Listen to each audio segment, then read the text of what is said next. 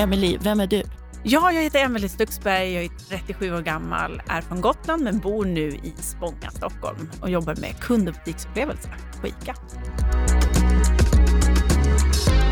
Man ska vara väldigt medveten om att vi bygger upp kundens förväntan och en, och en känsla kring så här, ja, men vad kommer det här företaget att hjälpa mig med eller ge mig för upplevelser när jag kommer. Och om man då har byggt upp en väldigt drömmig bild i sina sociala medier och så kommer man till butiken och så är varan som man har sett, den är slut. Den som möter en är lite otrevlig och kort i tonen.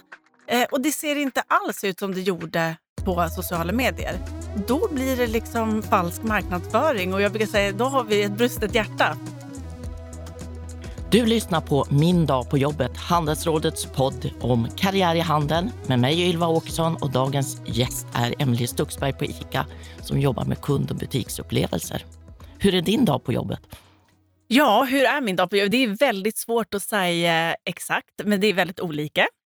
Eh, ena dagen så är jag i butik och står och gräver i hyllor. Nästa dag så har jag föreläsningar och utbildningar just kopplat till ja, men upplevelsen i butik, men också eh, fokuserar jag väldigt mycket på vad är vårt nya existensberättigande? Eh, om sortiment inte är tillräckligt för att konkurrera, pris inte är tillräckligt, vad är tillräckligt? Och då tror jag på att det är just hur vi får kunden att känna och vad de får uppleva och sånt som gör skillnaden. Vi tänker så här, du, du är på fest. Mm. Det var länge sedan sist, Ja. tyvärr. Men man står där med sitt lilla glas i handen och så, hur känner du världen värdinnan? Vad jobbar du med? Mm. Och sen så, då är ditt korta hissvar. Jag jobbar med kund och butiksupplevelse. Och då ser man lite flackande i Ja. blicken och tittar mot chipskålen och ska fortsätta prata Ja. med henne. Hon verkar trevlig. Ja. Och då kommer, vad då? Och vad, hur förklarar du dig då? Ja, men då brukar jag säga jag, jag jobbar för att göra det mer lustfyllt och enklare att handla. I, I handel är upplevelse en sån central punkt och idag Mm. oscillerar ju kunderna mellan det fysiska och digitala och fram och tillbaka liksom flera gånger i minuten. Ja.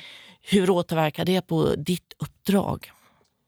Ja, men dels ställer det ju krav på att, att jag har koll på det digitala likväl som det fysiska. Eh, men det kräver ju också att jag eh, verkar på väldigt många olika ställen. Vi brukar prata om den här röda tråden, att när vi pratar om att ja, men göra varje dag lite enklare. Hur ser det ut i de digitala kanalerna? Det kan ju till exempel vara i e-handeln, absolut, att eh, ja, men, du får din mat hemlevererad. Men jag vill gå längre än så. Jag tycker att vi får hemlevererat en hygienfaktor idag. Det kanske handlar om eh, hur vi ändå digitalt får kunden att känna sig sedd, förstådd och uppmärksammad för den hon eller han är och det problemet man bär på. Låter det jättedjupt, men det kan vara nog så djupt att inte veta vad man ska äta. Eh, och där kan vi ju verkligen hjälpa till. Men vad är upplevelse då? Ja, det är en stor fråga och det var en utmaning när jag började på ICA. Eh, Jag fick frågan, jaha du ska jobba med upplevelse, men vad är det? Så en av de första sakerna som jag fick göra var att ställa frågan till mig själv och sen konkretisera det. Eh, Och har vi kommit fram till att det är främst tre delar, dimensioner, som påverkar upplevelsen. Eh, Det är det vi ser, alltså miljön. Eh, Och I miljön kan man också räkna doft och ljud som absolut påverkar eh, miljön. Eh, sen har vi inspiration, nivå av inspiration eller hur vi ger inspiration. Till exempel genom exponeringar eller eh, ni, ni har säkert sett demosar i butik där man får smaka, känna och klämma. Det är otroligt inspirerande för många. Och sen har vi kanske det viktigaste, hur man blir bemött, alltså service och sälj. Så det är inom, de tre parametrarna som jag hela tiden jobbar och försöker koppla aktiviteter till. 70 procent strategiskt och 30 procent operativt Mm. beskrev du ditt jobb Mm. Och så är det idag. Och det, har- det har nog mycket att göra med att jag är den första som har den här rollen. Eh, så, så delvis så ansvarar jag ju för strategin för upplevelse i butik i stort för ICA. Eh, sen är ju våra handlare är ju fria. Så jag kan inte sitta och eh, bestämma hur de ska göra eller hur de ska exponera eller vad de ska sälja. Utan väldigt mycket handlar för mig om att göra material och ha presentationer som inspirerar dem till att göra det enklare och mer lustfyllt för deras kunder att handla. Eh, sen de här 30 procenten där jag faktiskt är i butik, det är ju delvis eh, när jag är där och coachar, men också eh, står och bygger hyllor till exempel eller ehm, har utbildningar i exponeringsteknik. Så allting jag gör syftar ju till att hjälpa butik, men det är inte alltid som jag är i fysisk butik.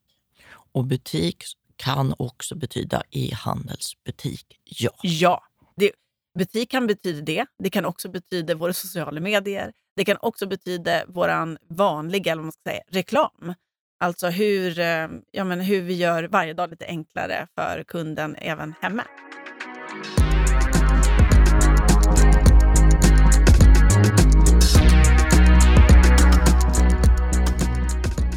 Om vi skulle ha varit på ditt hemmakontor nu istället för i studion i, i Spånga, vad, hur hade det sett ut där? Berätta för mig. Ja, jag är ju en rastlös själ, så jag flyttar mig ganska fritt genom huset. Eh, men min favoritplats, eh, då har jag ställt upp ett eh, vitt, ganska gammalt litet skrivbord på vår övervåning. Där jag, har en, eh, där jag har en skärm och till höger om den så har jag en gul fåtölj.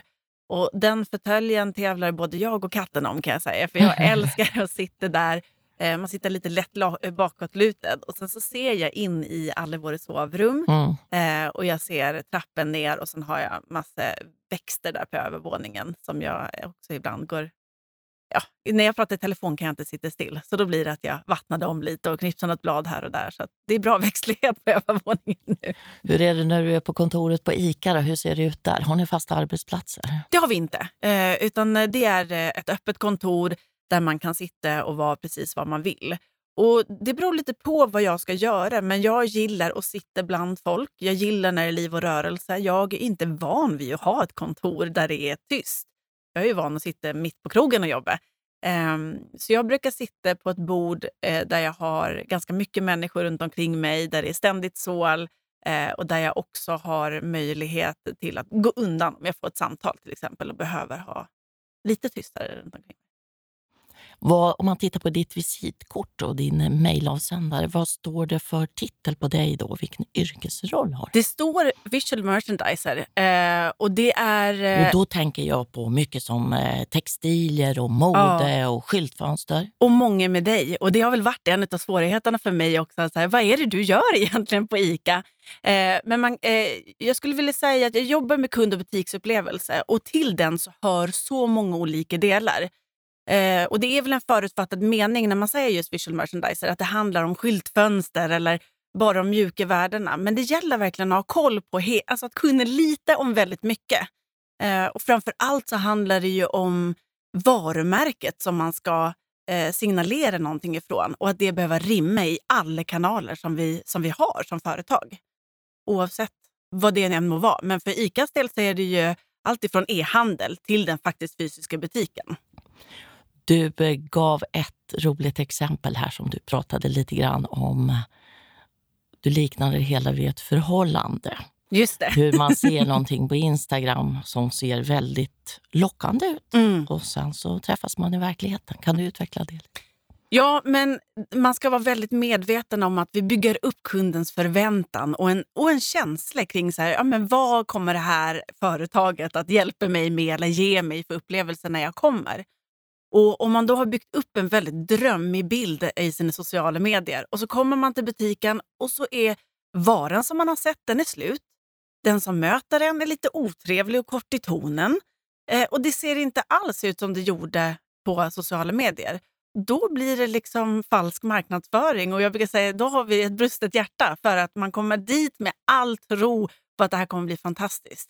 Och man vill tro att det ska bli fantastiskt. Men det gäller att butiken, den fysiska butiken verkligen speglar det som man har pratat om i sociala medier.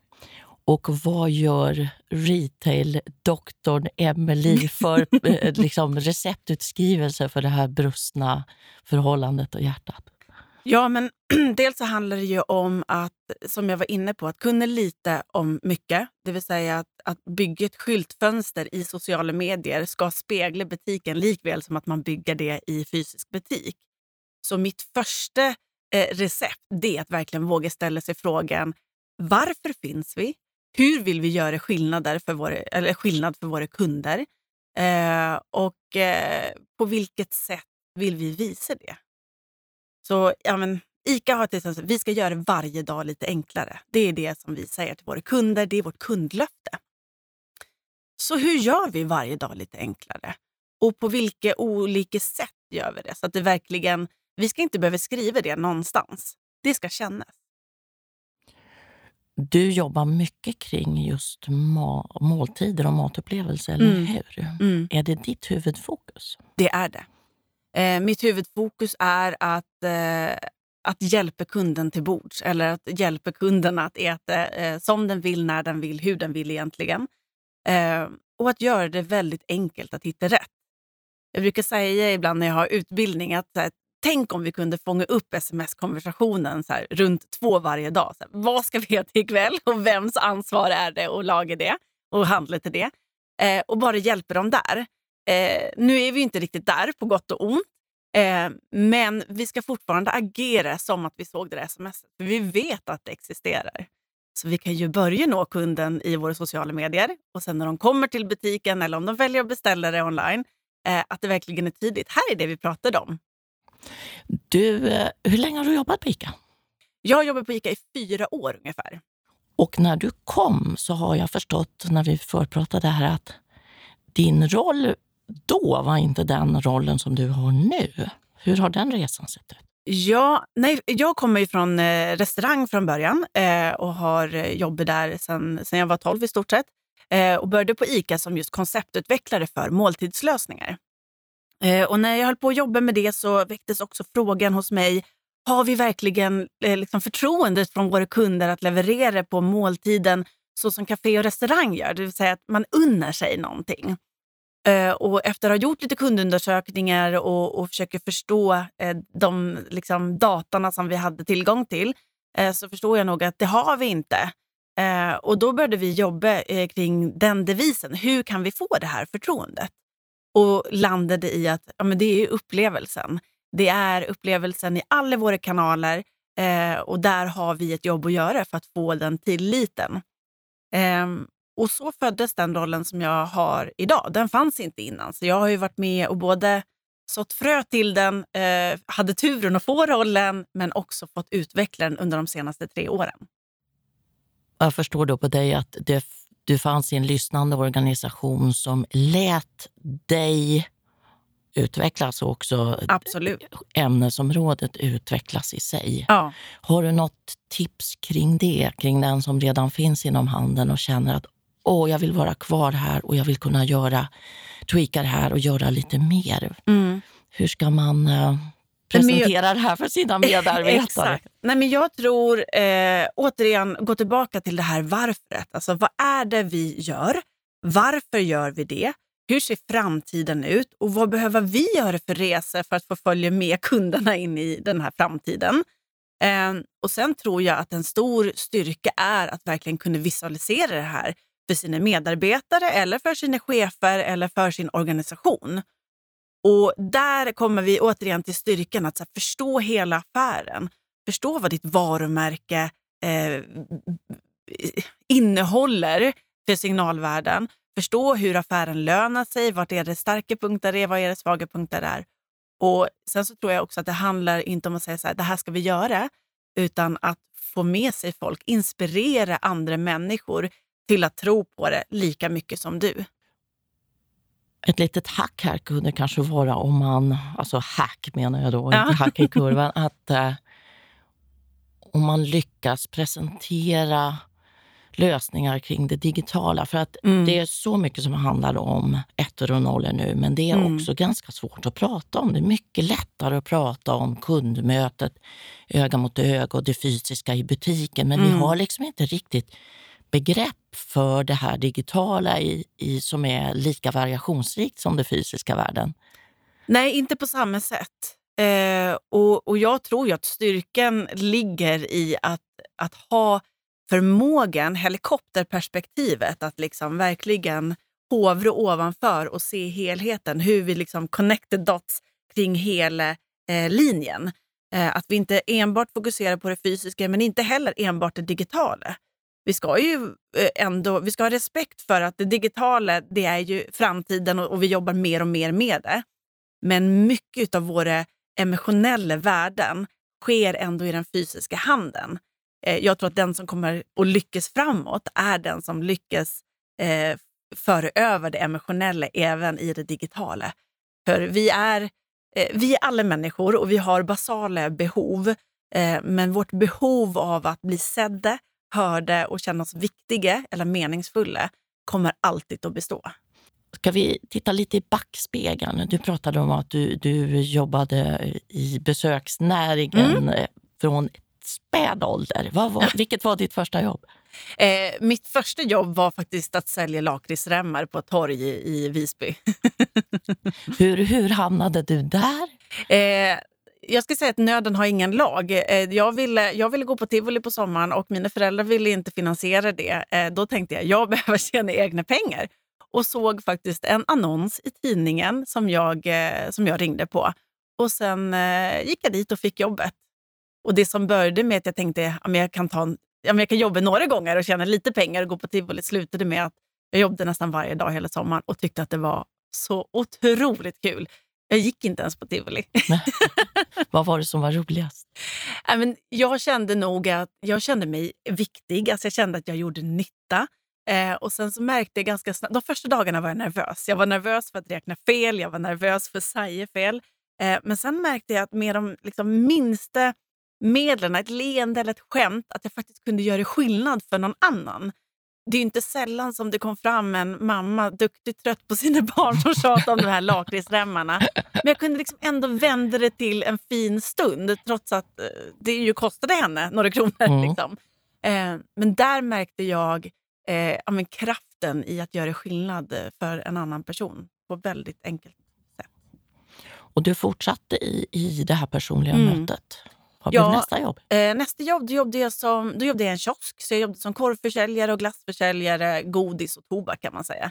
Och det är också, alltså man ska komma ihåg, det är ju en stund sedan jag var 13. Men att, att idag att en 13-åring skulle stå och sälja tobak till vuxna och be om lägg, det kanske inte. Men, men så var det i alla fall.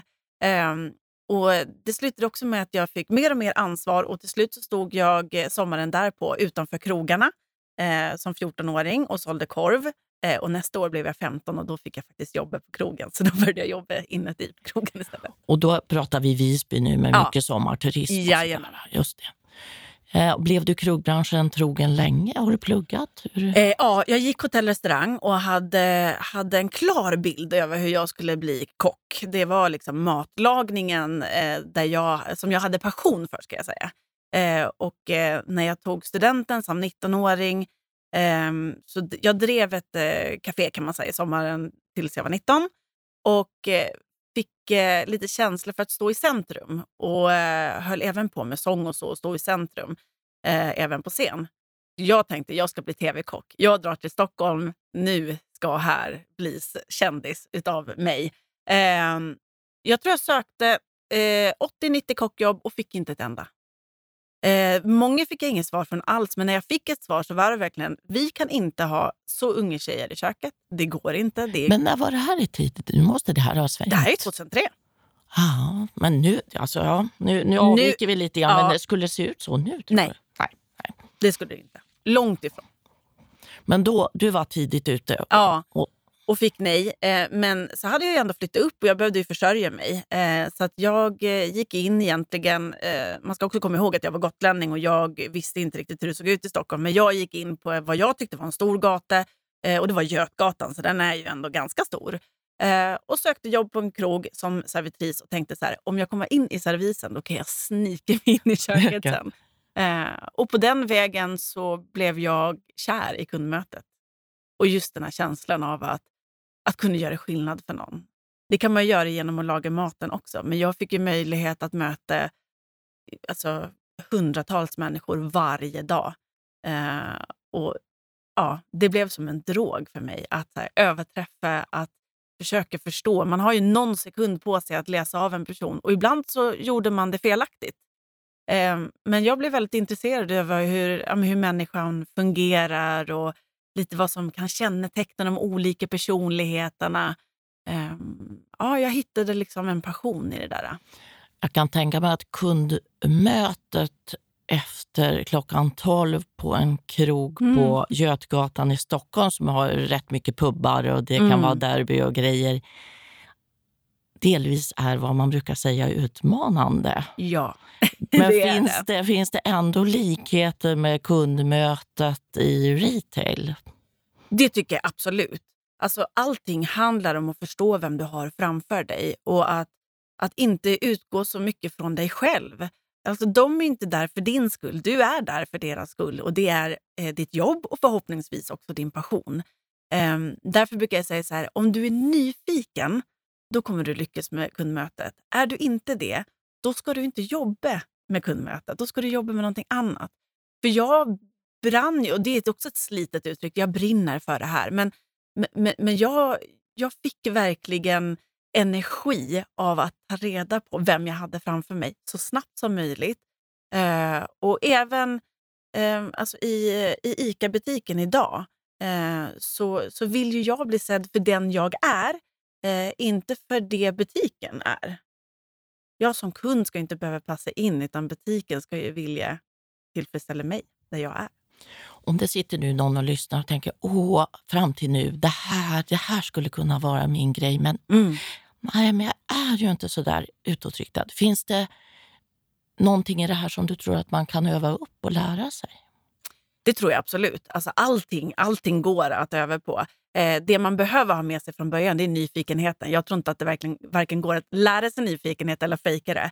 Men allting annat ifrån eh, om man säger själva visual merchandise-delen av det, förståelsen för färg och form och eh, försäljning eh, till att faktiskt kunna eh, måla upp den här bilden av vad man vill åstadkomma eh, kopplat till varumärket och de olika kanalerna som vi använder oss av. Det kan man lära sig. Eh, och jag kan ju säga det här och nu, jag har ingen utbildning. Jag är utbildad inom hotell restaurang, jag är utbildad sommelier. Eh, allting annat är min nyfikenhet som har lett mig till att gräva ner mig i, eh, i upplevelse helt enkelt och vad som påverkar den. Steget, steget från eh, restaurang och sommelier, Mm. gick det direkt till ICA eller hade du någon, någonting däremellan? Ja, alltså man kan säga, jag jobbade inom restaurang väldigt länge. Och Mina sista år inom restaurang så drev jag restauranger, jag drev festvåningar, jag höll på med eh, bröllop. Eh, och eh, där kan man väl säga att det var snarare eh, konceptet som helhet som jag jobbade med. Det vill säga, nu har vi en restaurang eh, och den sista som jag jobbade på var ju Urban Deli och var eh, operativ ledare på den på Nytorget. Och, det var ju någonting, det var ju banbrytande när den Ja. kom. Det var saluhall och det var Ja, restaurang. Och, och, Så å ena sidan hade jag en restaurang och å andra sidan hade jag ett cateringkök och så hade jag en butik. Och här har vi tre saker som ska lira tillsammans och dessutom så ska vi eh, vara banbrytande i nästan allting vi gör. Eh, så det var min sista känsla. Och det var kanske första gången som jag verkligen kom i närheten av butik på det sättet. Och det är på den vägen som jag kom till ICA. Eh, Men jag ska säga att det var ingenting som jag satt och tänkte på varken en vecka innan eller ett år innan att säga men jag ska nog till ICA. Eh, Men här har vi det här med nyfikenheten igen. Man vet aldrig vad som kommer att hända och är man bara tillräckligt nyfiken så får man faktiskt reda på det. ganska stor skillnad med att komma till en stor jätte som ICA Mm. mot det du gjorde förut. Hur var det i början? Tyckte du det var mycket möten? Mycket möten, ja. Eh, och mycket, allting skulle presenteras i Powerpoint. Det var jag helt eh, främmande. Innan så står man ju upp i ett litet rum och har ett litet föredrag vad man tänker sig. Eh, men det var också det som var... Dels så var det ehm, det som kanske lockade mig att så här, förstå vad har den lilla organisationen för fördelar gentemot den stora och vice versa. Och sen var det, vad är det som restaurang gör så himla bra som, som butik skulle kunna lära sig mer utav? Så för mig i början så handlade det verkligen om att lägga den här kartan och hitta liksom den gyllene medelpunkten på något sätt. Eh, men det var svårt för mig att acceptera att jag la så mycket tid på förberedelser eh, och så lite på att faktiskt göra till en början. Eh, Den här erfarenheten av kombon med catering och butik och restaurang, den har du verkligen fått omsätta i praktiken på ditt nuvarande jobb. Verkligen. Ja, alltså dels så har vi ju, vi har ju de fysiska butikerna, vi har butikerna på nätet och allting sånt. Eh, men vi vet ju också att mål, alltså måltiden är ju det som våra kunder alltid har behov av och vill ha mer utav. Så oavsett om det är hemma eller på plats så har vi behövt utöka vårt erbjudande. Så dels har vi ju öppnat upp restauranger och kaféer och cateringverksamheter i större utsträckning i butik och eh, försökt att hjälpa dem med eh, stöd och support kring hur man gör det helt enkelt. Sen har vi öppnat upp Ikanders till exempel, eh, som är en fristående restaurang i, i, i mod idag. Eh, men som är ju tänkt att ska vara en del av en ICA-butik framåt. Kan du berätta lite grann om vad är Ikanders ja, för de som inte eh, finns i Stockholm? Ja. Nej, men Ikanders kan man väl säga är eh, många olika saker. Men dels är det en hyllning till ICAs historia. Eh, ICA har ju funnits i drygt hundra år. Och Ikanders eh, har gjorts med en tanke på allting som vi har gjort inom, eh, inom måltiden i så många år. Men det är också en, ett labb, eller en, vad ska man säga, en, en, en verkstad där vi testar nya saker eh, som vi eh, sen kan ta ut i butik eller där vi kan inspirera och lära ICA-handlare och medarbetare eh, saker som har gått väldigt bra, till exempel, har varit väldigt uppskattat. Känner du dig som upphovskvinna till Likander tillsammans med goda kollegor förstås? Jag ska säga upphovsmannen heter Mats Bergvall, mm. men, men jag känner absolut att jag har varit med och sått de här fröna och vattnet och det sista som jag gjorde med Kanders var egentligen att utbilda personalen där på mod, eh, men även att eh, sätta dit vad jag kallar pricken över i ett, alltså det som bygger den fysiska miljön. Vi har pratat mycket om det här med eh, vikten av att tycka om att ha våra eh, externa relationer, möta kunder så här. Men mm. jag tänker som ett så pass komplicerat upplägg då som inbegriper allt från sourcing till slutpresentation som i Kanders till exempel. Mm. Då handlar det också om att kunna vårda och upprätthålla interna relationer i ditt jobb. Absolut. Och att få öron i organisationen. Ja. Vad, vad, vad behövs för skills där, skulle du säga? Förutom att göra jättefina powerpoints. Ja, vilket också är bra att kunna göra. Eh, och det blir bättre med åren, det kan man öva upp. Eh, nej, men jag skulle säga att verkligen ha eh, tentaklarna ute. Alltså att, att, eh, att, kunna nätverka och ha en förståelse för olika delar av organisationen har varit en nyckel. Eh, och för att kunna göra det eh, så behöver man återigen vara nyfiken, men också väldigt lyhörd. Eh, jag brukar tänka, när jag var liten så sa min mamma till mig att behandla andra som du själv vill bli behandlad. Eh, och Det är någonting som jag har med mig i arbetslivet även nu. Så försök att förstå vad är det marknadsavdelningen vill ha gjort och, eh, och, och, vad är det butiken vill ha gjort? Vad är det HR bryr sig om i det här? Och plock fram de här värdena som din eh, motpart värderar.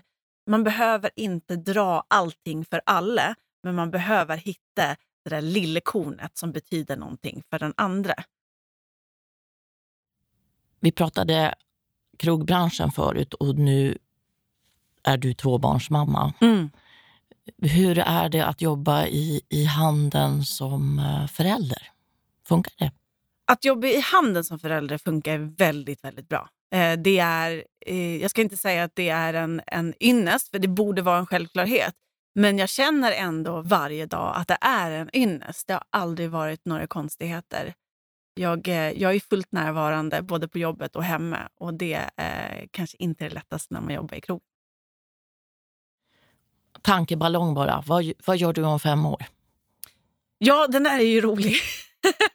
För jag, som jag sa, min nyfikenhet är väl det som tar mig vidare. Eh, och jag kan, det enda jag kan säga om fem år det är att jag hoppas att jag fortfarande jobbar med upplevelse i butik på något sätt. Men jag hoppas att jag gör det i väldigt gott sällskap med andra.